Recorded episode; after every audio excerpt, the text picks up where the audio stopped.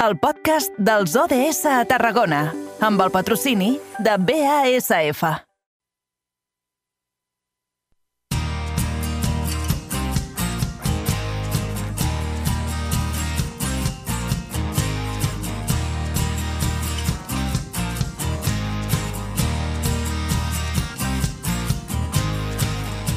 Carrer Major, Eduard Virgili. Hola, bona tarda. Una altra vegada passen 4 minuts i mig del punt de les 6 i encarrilem ara ja l'última horeta de programa. En fa dues que els acompanyem. Això és la seva sintonia de proximitat i els eh, donem les gràcies perquè mantinguin en antena la ràdio propera. És Carrer Major, el programa de 8 emissores del territori i la xarxa de comunicació local. I cada tarda de dilluns a divendres i de 4 a 7 els expliquem tot el que hi ha i tot el que passa al Camp de Tarragona. Avui és dimecres, dia 11 de maig, i el Banc dels Aliments ha hagut de reduir en un 12% la distribució de productes a entitats i usuaris. Així ho ha dit eh, en roda de premsa el president del Banc dels Aliments, Lluís Fatjó Viles, que ha alertat de les maniobres que han hagut de realitzar per fer front a l'encariment dels transports i dels aliments, en part per la guerra Ucraïna. Així, en els darrers dos mesos s'ha reduït un 12% la quantitat d'aliments que distribueixen per culpa de la inflació. Ara bé, la situació adversa en què es troben els bancs també té a veure amb altres factors, com una pobresa sobrevinguda arran de la pandèmia que s'ha cronificat i una previsió d'augment de la demanda. De seguida ho explicarem amb tot detall i als propers minuts, com saben, com un clàssic, també sabrem què passa a Tarragona, Reus, Montblanc, l'Hospitalet de l'Infant, la Selva, el Baix Camp, Torre d'Embarra i Altafulla. I a més a més, fins que siguin ben bé les 7, resoldrem el tercer trivial d'aquesta setmana, repassarem l'agenda per les properes hores, tindrem banda sonora de quilòmetre zero i seguirem amb la nostra particular fixació a l'any 2030, tot plegat mentre voltem pel camp de Tarragona.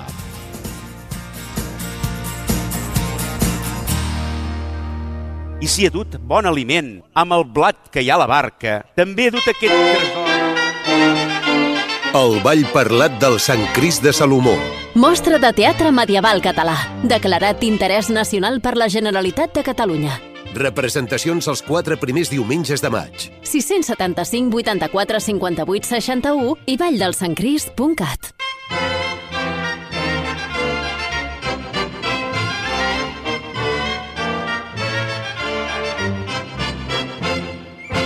Amb la col·laboració del programa en xarxa Carrer Major. The United Nations is an organization with goals of peace and sustainable development around the world. Their mission is huge, but we're breaking it down in two minutes. 17 sustainable Són les 6 de la tarda i goals. 6 minuts. I saben tots vostès què passa cada dia en aquesta hora? Doncs que fem parada als estudis de BX Ràdio. Allí tenim el nostre company, l'Eric Rosique. Eric, bona tarda, bon dimecres. Bona tarda, bon dimecres, Edu. Com estàs? Doncs molt bé, mira, hem començat el programa, tu has fet l'entrevista sobre les persones també discapacitades, el que estaven patint eh, amb, la, amb aquesta sobremedicació i ja m'has fet ja la introducció de l'espai dels ODS d'avui. A veure, no, no, no t'he pres res, eh? Vull dir... No, no, me l'has fet, He- la he intro... dit- m'has he fet la falca, m'has he- fet la falca. He, he dit tancarem el cercle, que Exacte. tothom estigui eh, atent perquè al llarg dels eh, propers minuts ens centrarem eh, novament en, en aquest col·lectiu. Eh, L'Eric apuntava que eh, avui hem començat entrevistant a Israel Belchi, que és responsable dels programes de salut del DINCAT, el representant del sector de discapacitat intel·lectual i del desenvolupament a Catalunya, que eh, avui ha fet un crit d'alerta entorn de la sobremedicació que pateixen les persones amb discapacitat intel·lectual sense un diagnòstic que la justifiqui. Han fet unes peticions a la Generalitat, s'han reunit ja amb el Departament de Salut, demanen una proposició no de llei al Parlament. En fi, tothom que vulgui recuperar eh, aquesta entrevista ho pot fer a través del servei de ràdio a la carta, allí trobarà aquest espai i tots els altres continguts de carrer Major emesos al llarg de, de, de la setmana, del dia i de les eh, temporades que portem a, en antena. Dit això, Eric, va, centrem-nos. Eh, tanquem, com dèiem, aquest cercle. Avui ho fem amb l'objectiu de desenvolupament sostenible número 8, el que assenyala treball decent i creixement econòmic. Exacte, parlarem de desenvolupament econòmic i sobretot d'ocupació amb una entitat que té com a objectiu inserir els joves entre 16 i 29 anys, eh, que és la Fundació ADECO, per explicar la seva iniciativa que es diu Joves amb Capacitats. Per parlar-ne sobre aquesta iniciativa i de les avantatges que ofereix la Fundació ADECO, ho fem amb una de les seves usuàries, la Helena Sevilla Vázquez, i també amb una de les seves fundadores, la Meritxell Suárez, que ja tenim a les dues uh, per aquí. Molt bona tarda i benvingudes sigueu a l'espai dels ODS del carrer Major Ilènia Meritxell.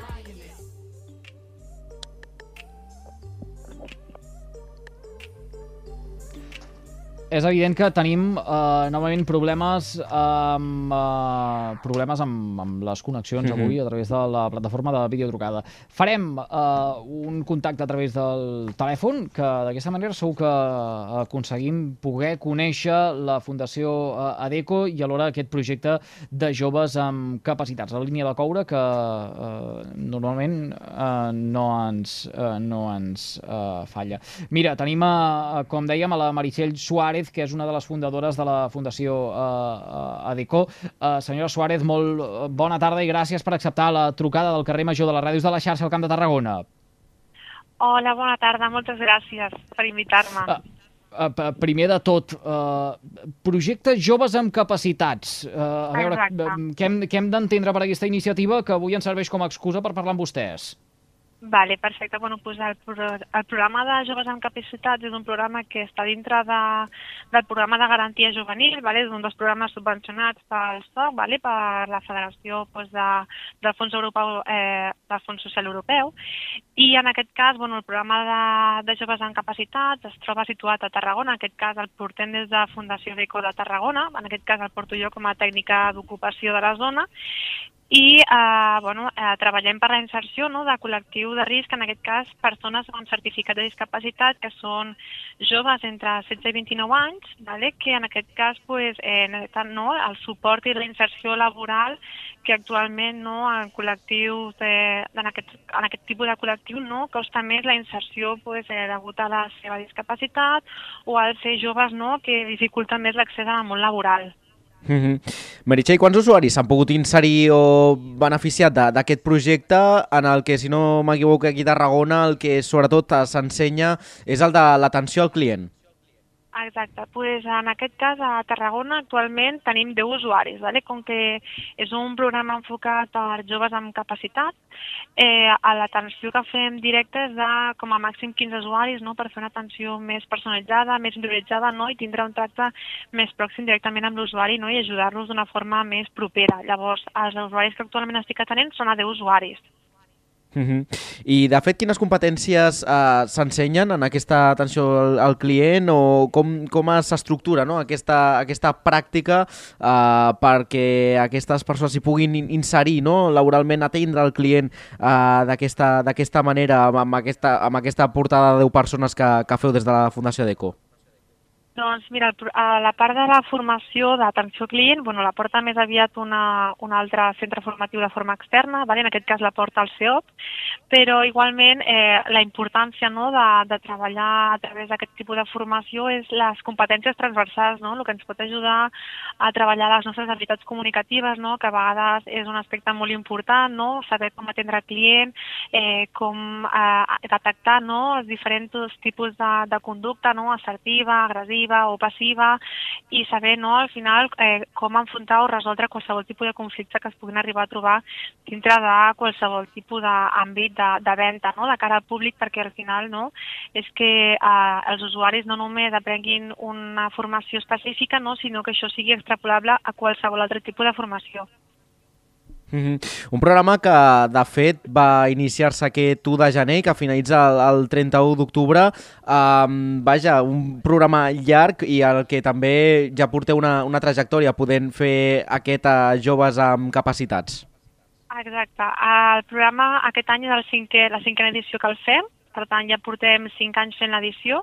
Aquest any eh, tinc el plaer no, de poder-lo jo portar des de, des de les meves carns, llavors és un programa no, que al final la, la, la, la funció, la finalitat que té mm, és que els joves es beneficin d'aquest programa, no, de que eh, insereixin laboralment, o sigui, la finalitat al final no, és que trobin feina, que finalment eh, puguin, eh, si no eh, trobar feina, pues, eh, reinserir-los en l'àmbit educatiu. Llavors, la importància no, és que aquestes persones tornin a, a introduir-se al món, sigui laboral o educatiu i donar-los una mica més de valor i de que no, les empreses també els coneixin i sensibilitzar-los no, per poder conèixer qualsevol tipus de col·lectiu no, té la mateixa oportunitat que, que qualsevol altre. Mm. Uh, falta un minutet perquè siguin en punt un quart de set de la tarda i em diuen que tenim connectada a través de la plataforma de videotrucades a la Ilenia Sevilla, uh, que és usuària de la Fundació Adeco. Uh, Ilenia, bona tarda i benvinguda.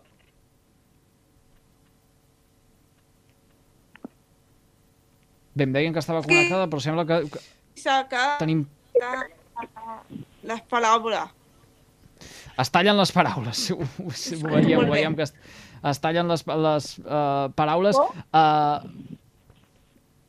tenim una connexió avui que uh, ens juga en contra a través de la plataforma de videotrucada.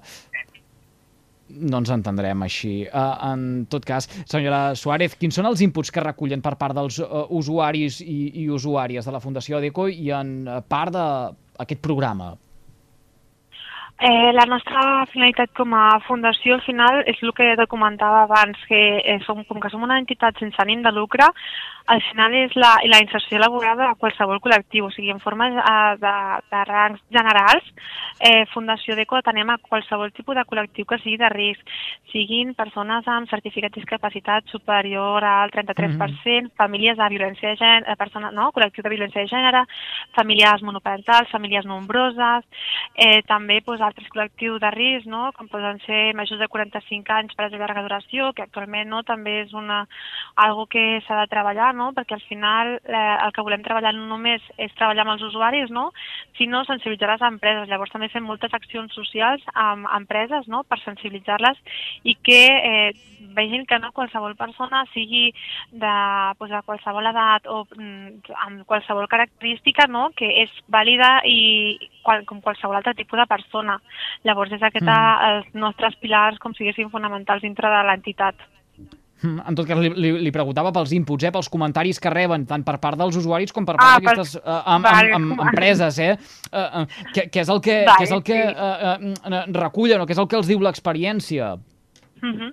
pues els comentaris en general són bastant positius, vull dir, eh, molts d'ells no, són agraïts perquè finalment s'insereixen laboralment, vull dir, diàriament no, ens esforcem per ajudar-los a, a que s'insereixin a les empreses, per tant, eh, molts d'ells diàriament no, ens, a, sembla que no, però ens agraeixen que finalment eh, els hàgim acompanyat i ajudat a inserir a, a qualsevol empresa, també a dir fem un seguiment ja quan estan dintre, llavors també ho valoren no, el, el saber pues, com estan anant, si necessiten algun suport o reorientar algun aspecte quan estan ja treballant i a les empreses també, no? que, en- ens, no? que ens, hi ha un feedback també per part de les empreses i a, ens faci- faciliten i ens feliciten no? per, per la col·laboració que fem perquè nosaltres treballem amb les empreses també sense cap benefici al final, vull dir, no, no demanem res a canvi més que no, la inserció del, del col·lectiu. Llavors, moltes de les empreses de la zona de Tarragona o de la zona de Valls, eh, Vendrell, Tortosa, Reus, no, eh, participen amb nosaltres i, i es beneficien també de, de formar part de l'entitat de Fundació DECO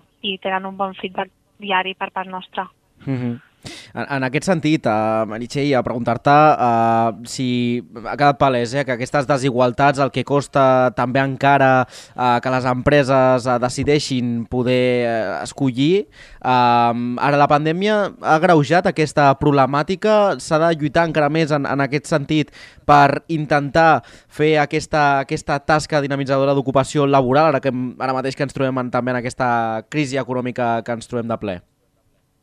Doncs sí, s'ha de, de treballar bastant aquest aspecte, no? perquè sembla que la pandèmia no, ha causat com una mica de, de tornar de retrocés, no? tornar a, a no? sensibilitzar les empreses de treball tant per usuaris no? com per empreses, de que entendre de la importància del treball conjunt i, i és una que pues, sí que s'ha vist una mica afectat en aquest aspecte.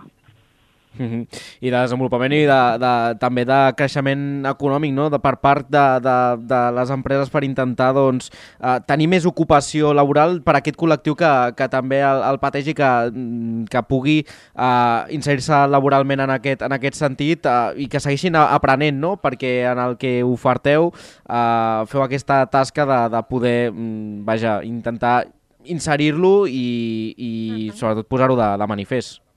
Exacte, i també bueno, s'ha de recalcar no, que les, les empreses, no, quan tenen un mínim de, de treballadors han de complir una normativa que és la LGD i la, la normativa de discapacitat, de la llei de la discapacitat i que bueno, tenen que cobrir un 2%. Llavors també per aquest motiu no, va també recorrent a nosaltres per saber no, com tramitar-ho, com realitzar-ho i llavors també és important no, que tinguin aquest tipus de coneixement. Mm.